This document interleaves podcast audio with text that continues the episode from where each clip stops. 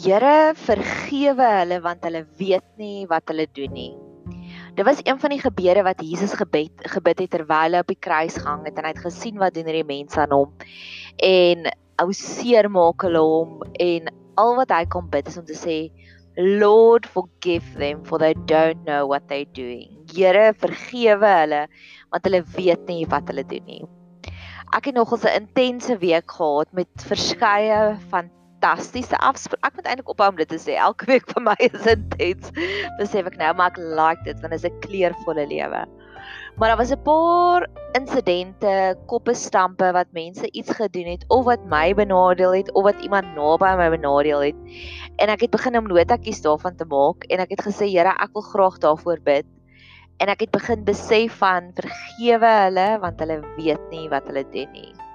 So ek gaan daarby ook uitkom op die ou ende van die dag, maar ja, ek wil 'n paar dingetjies uitlig want ek is regtig waar ek dink ek is nou besig op 'n ek gaan 'n playlist iewers maak om te sê daar's ons twee reise, een waarin ek 'n journey self met iemand wat ek sien wat begin begin gesond raak en dan die ander een wat ek 'n toeskouer is van iemand anders wat op 'n journey is met iemand wat ek ook so sien wat begin begin gesond raak. So ek maak gewoonlik notakies en dalk is dit hoe jy voel met mense rondom jou en nou weet jy sommer hoe om vir hulle te bid want op die ou ene van die dag gaan ons vir hulle bid. Maar die eerste simptoom wat ek gesien het van mense wat op die pad van genesing is, hulle is nog nie heeltemal gesond nie, is hulle is totaal en al irrasioneel.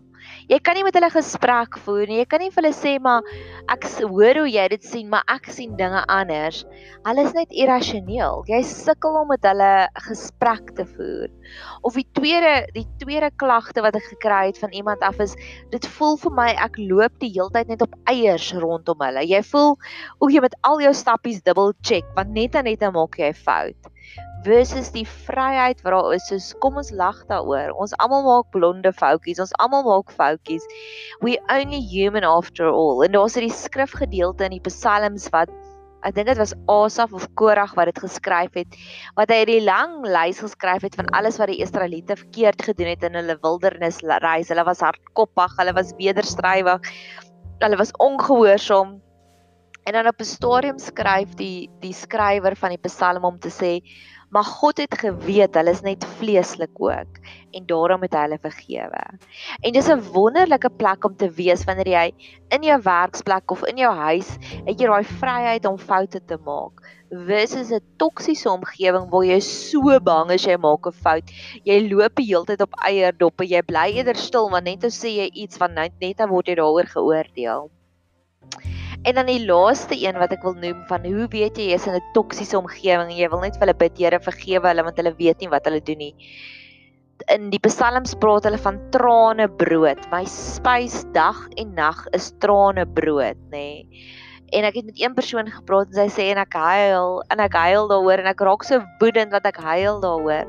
En dalk is dit hoe jy nou tans voel. Jy voel daar's net trane brood. Al wat jy eet is jy huil en jy huil net daaroor. En ek wil vir jou sê daar's hoop, want in hierdie pot gooi gaan ek praat oor hoe om te bid as jy in daardie situasie is. En nog is nog 'n simptoom van 'n toksiese omgewing wat ek ook al gesien het is mense Ek het nou gister het ek 'n pot gooi gemaak oor nederigheid en hoekom is humble pie belangrik. En ek het gepraat oor die heel eerste simptoom van iemand wat nederig is, is hulle is hartlik teenoor jou. Jy stap in 'n vertrek en hulle groet jou so hartlik. Dit voel asof jy die eerste mens is wat jy wat hulle sien en ook asof hulle jou vir jare laas gesien het. Hulle is net jy kan sommer voel, dis vir hulle lekker dat jy nou daar is versus 'n toksiese omgewing en ek het dit al ondervind waar jy iemand groet en dit is soos huh, of hallo niks? Hallo Nadia hoe gaan dit met jou niks terug nie. En dan weet ek ook okay dis 'n toksiese omgewing ek gaan eerder net vir jou bid as wat ek probeer uit jou trek uit wat aangaan. En dan die laaste enetjie waar die mond van vol ag waar die hart van vol is loop die mond van oor. Ek het gister met iemand gesels wat eintlik 'n droomlewe het en al wat sy raak sien is die klagtes wat op een of ander WhatsApp groepie is. En ek sê Nee, daar moet meer positiewe dinge wees. Waar die mond van haar vol is, loop die hart van oor. En nog 'n simptoom van 'n toksiese persoon, ekskuus ek het nou net onthou van hierdie enetjie was ook die feit dat hulle geen compassion vir ander mense nie. Hulle sal so vashou aan hierdie een dingetjie wat iemand anders 10 jaar terug aan hulle verkeerd gedoen het. Maar eintlik as jy hulle mooi genoeg bestudeer, sien jy dat hulle doen dit oral vir die mense rondom hulle ook. So ja, daar's daai gesegde wat sê jou dag en jou nag praatjies is nie dieselfde nie. Jy raak kwaad omdat mense dit aan jou doen, maar eintlik doen jy dit ook self teenoor ander mense. So dis allerlei voorbeelde van toksiese mense toksiese omgewings, toksiese werksomgewings, toksiese huisomgewings. En dalk voel een van hierdie wat ek beskryf het, voel vir jou, "Jo, jy praat dan van my werksomstandighede of my werk my huisomstandighede." En nou wil ek vir jou 'n paar punte gee want terwyl ek hierdie week gebid het daaroor, as ek Here sien U dit, sien U wat U nou aangaan. Al wat die hele tyd by my opgekom het was vergewe hulle Here want hulle weet nie wat hulle doen nie. En dis waaroor ek nou wil praat, is daai waar ons regtig waar ons wil deernis hê vir hulle. Ons wil vir die Here vra om hulle namens ons te vergewe. En ehm um, dit het my eersins laat dink aan daar's 'n stukkie van Levitikus 4 vers 13. Nou Levitikus is 'n baie interessante boek en ek dink dalk want dit is nou Vrydagmiddag my beloning na hierdie week gaan wees om dalk een van Rabel se se studie navorsings oor Levitikus te gaan download en daarna te luister. Maar in Levitikus praat hulle van die eerste in die eerste paar hoofstukke van al die verskillende offers wat jy kan bring na die Here toe. En offers klink vir ons ja, dis 'n sacrifice, dit klink vir ons nou iets gaga, jy met 'n bokkie of 'n bees of 'n skaap slag en dit klink net gaga, maar eintlik is dit so 'n mooi profetiese aksie wat die Here uitgereik het, want 'n offer in Hebreëus is 'n korban, dink ek. Laat ek dit gaan seker maak. Sacrifice in Hebrew. En wat daai woord eintlik beteken, uh nou sit hulle dit net in Hebreëus. Okay, maar in elk geval wat daai wat daai woord eintlik beteken, 'n kolbaan, ek was reg. 'n Kolbaan Wat dit eintlik beteken is dis maniere om nader aan God te gaan. So God, God het gesê as hierdie goeders met jou gebeur, dan is dit alles my manier om jou nader te trek aan my, om nog meer 'n intieme verhouding met my te hê. En die 5de een was 'n skuldoffer. Nou hoor hoe mooi verduidelik die Here dit hier in Levitikus 4 vers 13. En as die hele vergadering van Israel hulle misgaan sonder dat die vergadering om daarvan bewus is. Met ander woorde, dis daai onbewuslike sonde. So selfs vir dit het die Here al reeds vir ons 'n oplossing gegee. So ek sien ook nou, ek kyk na hierdie mense en ek besef maar hulle besef nie eers hulle doen ander mense in nie. Hulle besef nie eers dat hulle aksies het 'n gaga ripple effek op ons nie. En dis presies waarvan God hier gepraat het. As jy besef op 'n stadium maar jy het iets verkeerd gedoen, maar selfs al besef jy dit nie, dit is ook 'n manier vir God om jou nader te trek aan hom. So ek glo ek hierdie toksiese mense baie kere besef hulle nie eers dat dis die skade wat hulle aan jou doen nie en ek sal selfs nou hierdie geleentheid vat in plaas daarvan om met hulle te gaan redeneer en te sê jy het my seer gemaak. Nee, ek vat nou maar hierdie geleentheid vir my om nader te groei aan God. En mag jy dit ook so sien as 'n positiewe ding as jy voel hierdie persoon weet nie eers hoe seer maak hulle jou nie. Lord, forgive them for they don't know what they're doing. En dan wil ek vir jou nog ietsie lees. 1 Timoteus 4 vers 2 praat van jou gewete wat so ja, die toksiese persoon se se gewete dink ek het nou al so comfortably numb geraak dat hulle besef nie eers nie. Deur die gefeinstheid van leenaars wat gebrandmerk is in hulle gewete. In die Engelse Bybel is dit seared consciousness. So dis 'n dis 'n dis 'n dis 'n gewete wat nou al so dof en stomp is. Hy besef nie eers hy maak dit verkeerd nie. So ons wil sommer daardie gewete wat nou al so dof en stom is dat hulle besef nie eers hulle maak ons seën nie. Dis soos 'n mes wat jy gebruik om te sny en daai mes is al so stomp.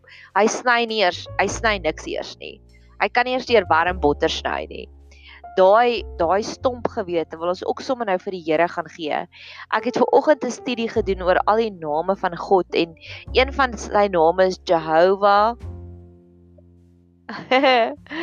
Mes ek kan dit nou onthou het. Jehovah Meskadden dink ek. Wat beteken God is die God wat dinge heilig maak. God is die God wat dinge weer restoreer. God is die God wat dinge weer genees. So ons kom gee ook daardie stomp mes gewete van die boelies, die toksiese mense in ons lewe. Kom gee ons ook so vir die Here en ons sê Here, kom en genees dit. En dan die volgende dingetjie wat ek graag met jou oor wil gesels. Moses het die oomblik toe hy afgekom het van die berg af en hy die goue kalf gesien. Hy het eers kwaad geraak en toe op 'n stadium het hy begin bid vir die Here en te sê Here vergewe hulle asseblief. En ek dink daar's so min mense wat bereid sal wees om in daai skoene te staan van Moses. Waar ek wil sê, Here, hiersoos ek, sign me up. Ek wil namens daai mense vir hulle bid. Want ek glo dat daar soveel belonings daarin as ons bereid sal wees om te sê, Here, in plaas daarvan om hulle te oordeel, in plaas daarvan om hulle oog oog vir 'n oog en tand vir 'n tand te hanteer. Nee. Leer my meer, bekragtig my, empower my hoe om meer vir hulle die koninkryk van God te gee. So ek wil soos Moses namens die mense intree om te sê ek bid vir hulle en ek kom lê hulle voor u voete neer. Ek het in die week 'n fantastiese kuier gehad met iemand wat 'n baie intieme pad stap voor God en dit was 'n wow kuiertjie en ek gaan nou nog meer daaroor praat. Maar een van die dinge wat sy vir my gesê het is in die kerk as ons in die kerk staan en daar staan geloof, hoop en liefde op die venster sal iemand wat van die buitekant af staan, sal hulle dit anders te omlees en hulle sal eers sien liefde en dan hoop en dan geloof. En dit maak vir my so sin dat mense wat binnekant is weet wat wat in in verbond staan met God weet dat vanuit geloof groei daar hoop, vanuit hoop groei daar liefde. Maar mense wat nog nie in die verbond is met die Here nie, sien eers die Here se liefde en dan dit gee vir hulle hoop en die hoop lei tot geloof. En mag ons dit wees wat liefde wen. Love wins. Mag ons uit meer en meer liefde uitdeel. Al doen hulle wat ook al teen ons, mag God ons so bekragtig dat ons dit aanhoudend liefde vir hulle uitdeel ek glo ook daarna en dis hoekom ek jou wil inspireer, wil motiveer om net meer en meer vir mense te bid. Want soos ek gesê het, is okay, ek wil eers sê ek kyk na die lewe na vanuit 'n eschatological view uit. Ek weet nie wat dit in Afrikaans is nie. Eschatological view. Met ander woorde, ek het al geproe en geproe dat die Here is goed en ek het al die lekker gesien. Ek sê dan gee ek al die plekke wat nog nie vir my wat nog nie God se seëning op het nie, kom gee ek weer terug vir hom en ek sê Here, kom en bring asseblief hierdie seëning daarop. En ek glo dis hoe, hoe Jesaja ook geskryf het. Jesaja het geweet dat God se vrede maak dat die leeu en die lam kan saamby. So mag God net vir ons meer en meer vir ons van ons van daai eschatological view gee wat ons van die perfekte wêreld af kyk en dan profeteer ons uit oor hierdie gebroke lewe. En dis waarby ek wil afsluit om te sê dis hoekom ek sê Here vergewe hulle want hulle weet nie wat hulle doen nie want ek wil so graag hê dat die Here almal van hulle net benade trek aan hom want ek het in hierdie week so gesê ek het 'n baie intense week gehad maar ek het drie kuiers gehad wat my so diep aangeraak het. En die een kuier was 'n next level. Dis die persoon van wie ek nou-nou gepraat het wat my vertel het van geloof, hoop en liefde. Daar's sekere kuiers wat ek ek is sosiaal met mense en ek stap daar weg en ek voel amper of leeg of ek voel vrees of ek voel ek sien net die slegte. Dis mense wat hulle fokus net op die slegte en ewe skielik besef jy maar jy het nie eers daai slegte raak gesien nie en nou noem hulle dit of jy was nie eers bang vir dit nie en nou noem hulle dit so jy stap daar weg met vrees en dan gaan gee ek dit dadelik vir die Here. So dit was dis die slegte kuiers in my lewe. Maar by die lekker kuiers sal ek daar wegstap en ek sal sommer meer energie hê en ek sal meer liefde hê. My liefdesdentjies sal volgemaak wees. Ek sal meer gemotiveerd en geïnspireerd wees om voice note 'n podcast te maak om voice notes te stuur om meer te bedien om meer Bybelstudie te doen. Maar in hierdie week het ek 'n next level kuier gehad waar my liefdesdenk was vol en my geloofsdenk was vol. And I think to myself what a wonderful world it would be as elke liewe persoon in my lewe my so kan inspireer want ek weet just one touch, net een aanraking van God kan selfs die ergste, vieslikste, lelikste boelie verander in so 'n awesome, inspirerende mens soos wat ek gehad het Woensdagoggend. So dis waarna ek op soek is. Ek doen dit nie omdat ek holier than thou is om vir hulle te bid nie. Nee, ek doen dit uit my eie selfsugtige redes ook want ek weet hoe wonderlik is die lewe as jy omring is met mense wat wat se eie liefdestentjie vol is en hulle deel net uit.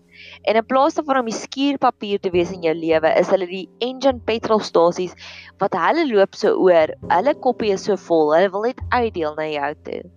En daar's daar's verskeie sulke mense in my lewe, mense wat my net so inspireer.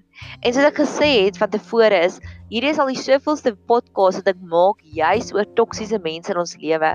En ek was gister by my haarkapster en sy het my herinner daaraan dat blykbaar as jy nie jou hare blaas totdat dit blink nie, dan kom die frizziness vinnig terug. So toe sê sy baie mense hou op voordat die hare blink en ek glo ek wil nie ophou bid nie alhoewel ek al reeds dankbaar is oor die oorwinnings, oor die veranderinge wat ek sien, wil ek nie ophou want dalk kom die frizziness weer terug. Ek sal die hare blaas totdat dit blink. Ek sal aanhou bid totdat die Heilige Gees my sê dis nou oukei, okay, dis nou genoeg. En dan wil ek afsluit met die laaste opmerking wat ek ook voor die Here se voete wil gaan sit. Ek is 'n mondhygiënis van beroep en daar's sekere pasiënte wat ag, hulle is net so maklik en so lekker om hulle mond skoon oop te maak, o skoon te maak. Hulle kom lê daar, die mond is waalwyd oop. Hulle sê nie vir my ek my werk moet doen nie. Hulle gee nie vir my resistance met hulle tong of met hulle lippe nie. Dis net so maklik. En baie keer as ek hierdie moeilike mense kry wat se so tong druk hulle oral in en hulle maak nie mo groot genoeg oop nie of hulle sê vir my hoe ek my werk moet doen, dan dink ek vir myself, Here, waar in my lewe resist ek u genesing? So ek wil dit ook sommer voor die Here se voete gaan gee vir al die boelies, vir al die toksiese mense. Mag hulle die Here se genesingspad aanvaar sonder enige resistance. Vergewe hulle, Here, want hulle weet nie wat hulle doen nie. Ons gee dit nou net so voor die Here se voete. Mag jy 'n super geseënde dag hê verder.